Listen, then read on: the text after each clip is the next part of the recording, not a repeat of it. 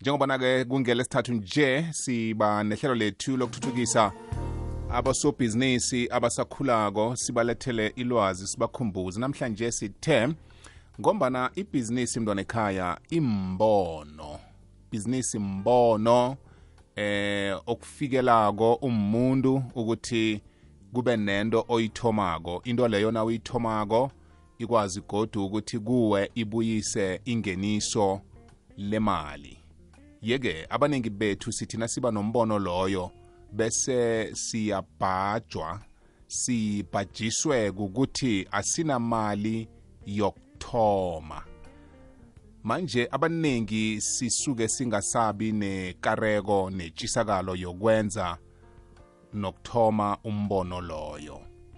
Namhlanje sinobaba mahlangu ufrance mahlangu ongisolwazi wethu esibambisene naye ehlelweni sidishile sithe asikhumbuzane bona akusiyo yonke imbono yebhizinisi edinga ukuthonywa ngokusekelwa ngemali ngoba abaningi bethu sigijimisa indaba yokwakha into ekuthiwa yi-business plan sibe nama-business profiles register company vula i-bank account nayo ngokwayo ezokudinga ama-monthly fees.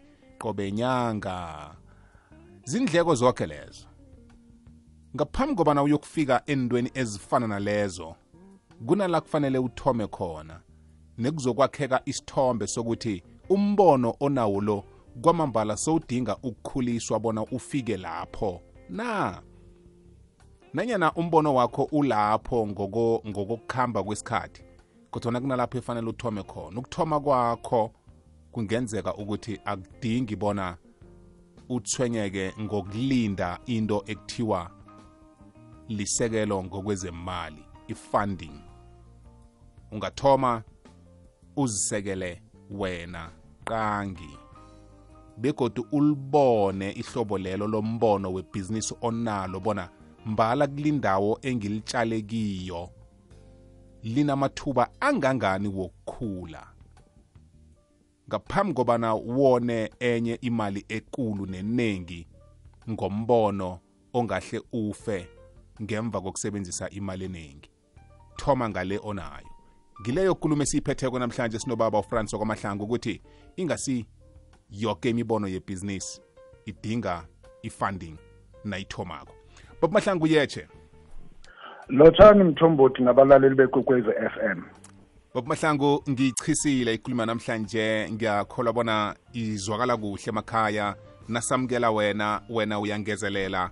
Phezu kwayo eh njengoba na isihloko sethu sanamhlanje sithi ingasi yonke imhlobo yamabhizinisi. Ithoma ngokufuna into ekuthiwa yi-funding. Ngibawa uyithome lapho baba mahlangu. Iya mthombothi ngiyathokoza. Um i-topic le futhi i-moderatwe wuwe uyabathanda abalaleli bakho ngoba uyiresearche waze wafika namhlanje uhlezi ungitshela ukuthi ngiresearcha into le iyangihlupha ngoba abantu abaningi bathoma ngezinto zokugcina kanti akufuneki kufanele bathome ngezinto zokuthoma bagcine ngezokugcina. Mthombothi ukufaka isandla lapha kwinkulumo yakho ngizokunikela nasikulumo kubantu engibancedako. La ngaphandle mabafuna ulwazi. Ngizokwenza na i-short story la? Nginomunye la udade eh benza inkukhu mthombothi eh beza kuhle njalo njalo. Naka consulta ke ke uyasi explain istory sakhe then uthi ngibawa usizo lwe-funding ngibawa usizo lwama equipment nama resources mthombothi kwatholakala ukuthi naku naka assesswa iproblem enkulu ngoba akanaso nesitifiketi akanayo i-business plan akanayo anything ebonakala iyiphepha. Yilo into ishoyo-ke mthombothi ukuthi it's not always money needed ukuthi wenze ibhizinisi abantu into le bayayiphambanisa. Ngase ngithi mina kubo tata eh inkinga yeni yini ningachubeki ngokwenza leyo production eniyenzayo ngoba nikhonile ukuyithoma? Thomani leyo production inenzele imali nivumelekile ngoba ningenza nibe yi-sole trader nizithengisele nina without ukuregister. Mthombo ukuthi abantu bafuna i-product enequality ehle eright. Wena ke naso ukhuphuka lapho somera abantu beza bazokuthenga. Useva imali le. Na uyiseva imali le soyabona ukuthi i-production ne-market yami seyiyakhula. Then songathoma ke ukuthi no man akhe ngiregister ke na uqeda kuregister soyongena kubo business plan njalo njalo. So mthombothi amagama akho mfo ngiubawa ukuwasekela ngale nkulumo enginayo le experience ukuthi abantu mani bayabhayiza kanti akumele babhayize mthombothi indaba zabo-business plan zizawuza after wena sokhonile ukuthoma izinto no need ukurejista. You are still legal. Usese usese kuheho elirehe ngokomthetho webhizinisi ngoba uzoba i-sole trader. Thola lokho okutholayo uberege imali oyenza lapho. Ibeke noma ungakaregisti ibeke then afterwards sowubona ukuthi ibhizinisi lakho liyakhula so uyibekile imali then soyachoma ke soyarejista sofuna ini njalo njalo. Ngoba mthombothi iqiniso eligcwele yileli awuzukuyithola ifunding uthoma awuzukuyithola ifunding ungakahandlishi imali or ube nerecord le-income. Ya ya ya ngoba ekugcineni siba nabantu abarejistare amakhampani angasebenziko eh abantu Yeah. abanama-bank account akolodako Oh. um abantu abakoloda ama-consultant eh yebo ngenxa yokuthi bathome ngento yokugcina kanti Awuzwa. umbono bekukuthi ngifuna ukwenza into engangingenisela imali imali oh right right. Manje eh baba mahlangu ngoba umuntu uthi ibhizinisi lena ngiyoyithoma kufanele ngithome ngemali. Kula Yeah. mhlambe singathi asibone bona umbono onawo ukufikela usebenza na namkha ukufikela usekhaya eh kunemali oyitholako cobe nyanga mhlamunye kusizwa bomnakwenu bodadwenu babelethi. Kiyo yona le imali yona oyithola kwele kula mhlambe sithi umuntu uhlephula khona na ukuthoma umbono lo anawo kancane kancane bese nakuthi umbono lo mbala uqinile uyasebenza. Wona ngokwawo uzokuthoma ke manje ngoba sowunenzuzo oyenzako ukuzikhulisa na? Awuzwa-ke mthombothi ngizobeka i- i- i- i- umbono ombili la. And abantu bayawazi ned abantu mhlawumbe ngazi bajaha izinto mo- em, eh bobo. One kunale system la uthola ukuthi abazali eh umntwana ekhaya abazali bahleze babeka imali babeka imali uthi ungaqeda esikolweni ugrade 12 bese bathi ah imali sikubekele yokuthi uye ecollege or uye university that is the same strategy mthombothi. Number 1 number 2 kunalendlela mthombothi yokuthi ufuna imodera nawufuna imodela mthombothi ayikhona uyakhamba uyokuberega upake imali ubeka imali uthi ungabeka imali bese uyayithenga leya modera ikhamba njalo mthombothi ake sikhulume-ke ngomuntu othi ufuna ukwenza ibhizinisi akanalutho. Eh bobo asibiyeleni emasisweni man asibiyeleni emaqinisweni? Singaloko sikhohliswa ma TV sibona mhlawumbe abantu abaphafile beze sithi ukuphumelela kusimpula ayihambi njalo. Ikhamba kanje ungumuntu uthi ufuna ukuyongena kubusiness and awunamali. Mntana sekhaya khamba uthengise iskill sakho. Khamba uthengise italent lakho or whatever onako wena umbereko loyo. Funa umsebenzi uthi ungasebenza iphupho lakho mthombothi nawuvula ikulumo le olishoyo ukuthi ube nombono. Mara umbono mthombothi azange waba yi-two days azange waba yi-three days ne umbono mude mthombothi and ukuze ufinyelele kuwo kunezigaba okumele undlule kuzo. Mina-ke ngingakusho mthombothi umuntu ofuna ukuya kubhizinisi nakanamali i-option yokuthoma khamba uyokubereka nawubereka imali oyitholayo uyayibeka. Ukuze nakuphela i-two years sosevile uyokuvula ibhizinisi-ke lokuthi uthenga i-product ukuze uyithengise or leyo service ofuna ukuyenza.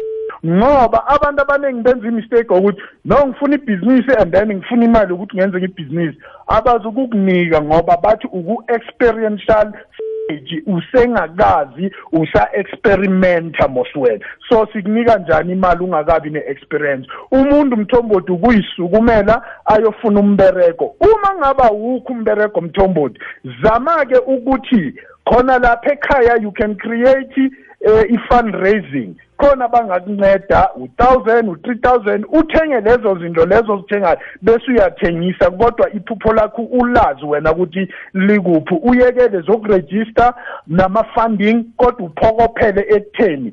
Angithole la usupport bese ngiyathenga i-product or ngenze le service ukuze ngithole imali ngaphandle kokurejista mthombothi. Yazwakala sijika nganeno siyabuya. Usono lilanga lokuphola kuphemethe umoya okukhumbuza kade ngesimbi yeshumi nambili emine kulu ujabu ukulethela ezikhamba nomoya. Ihliziyo ibuthakathaka. Iyafisa ilangazelele. Umbuzana nakanolady b bayayipholisa. Lihlelo phola hliziyo ngosondo ngesimbi yesithathu. Sisi ngedlile ekupheleni kwelanga lokuphela kweveke ukulungiselela ukuthoba kweveke etsha uswakana ngesinti yethoba ebusuku. Uvoroso ukukhumbuza othandwa yihlisi wakho ngengoma ezimnandi. Ikwekwesiafel kukhanya bani kwamambala sibuyile sihlezi ku-24 minutes past uh, 2 ikwekwezi fm kukhanya ba ngikhambisana nobaba ufrancis mahlangu sisehlelweni lethu lezamabhizinisi siletha qobe ngelesithathu bamahlangu mahlangu ngiyathokoza ipendulo osele usinikele yona begodu ingiletha embuzweni nakunamkha ngezawuveza njengekulumo ngithi kaningi navane sikhuluma ngendaba yokusekelwa ngemali sakhe sayikhuluma sino-isaac wakwathubana Yeah. indaba ye-funding i-funding iba ligama elicabanga ukuthi ngiphiwa imali ngiyaphiwa Yeah. Akusikuphiwa eh wakhe Yeah. wayihlathulula uthubana wathi uzokuthola i- i- i-loan um uzokuthola imali ekuthiwa nawe faka mhlambe i-40 percent namkha i-60 percent kile imali osekelwa ngayo um Yeah. kesinye isikhathi kuzokuthiwa u- u- u- uphetheni ke wena oyifakako ebonakalako njengento eh gili business le okhuluma ngayo ukuthi sikusekele ngemali. Ekugcineni kuzokuthiwa eh ungayibuyisa ungayibuyisa eh yoni yodwa namkha ungayibuyisa seyinamakonyana eh Yeah. ngemva kokuthi sikusekele.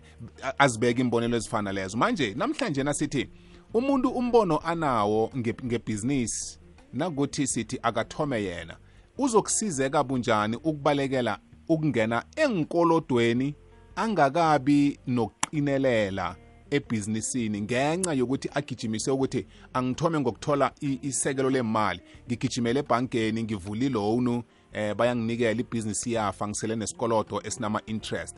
Kodwana nakuthi ulandela leli hlathululo esiliveza namhlanje lokuthi thoma ngalencane onayo ukhule nayo ukhule kiyo ukhuliswe ngiyo ukubalekela ukungena nokuwela esikolodweni sento ekuthiwa yi-funding?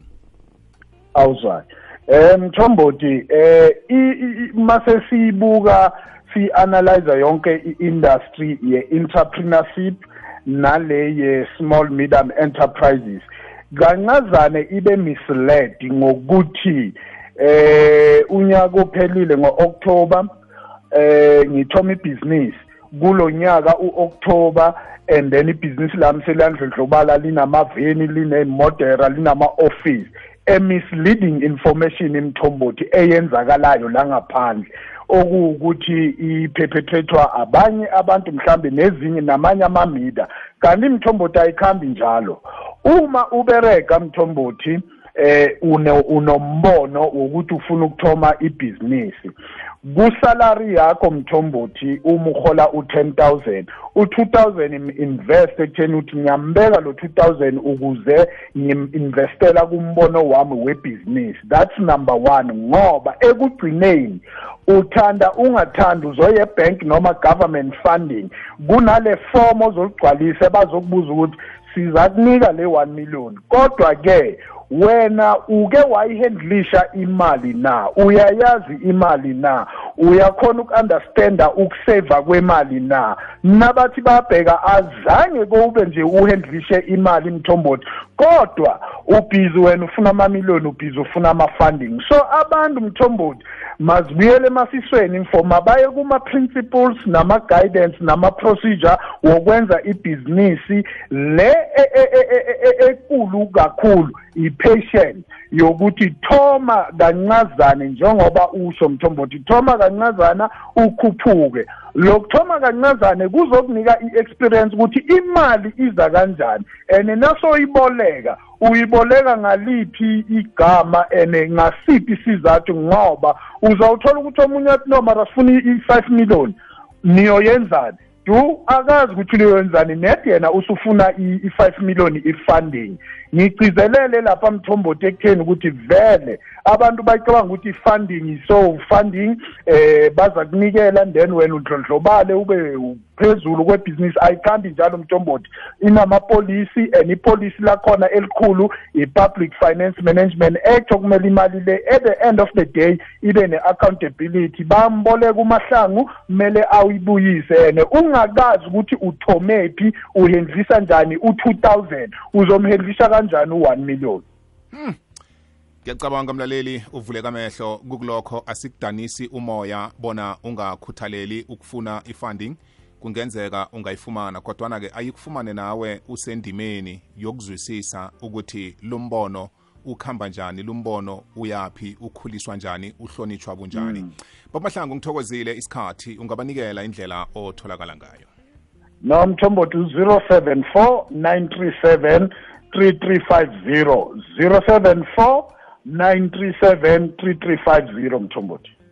Ngithokozile uzima kwandisele. Nawe mfunya thokoza nabalaleli. Kwamambala ngubaba ufrancis mahlangu ebesikhambisana naye elangeni lanamhlanje. Kulandelela nemibuzo nenilemukiso ungamthinda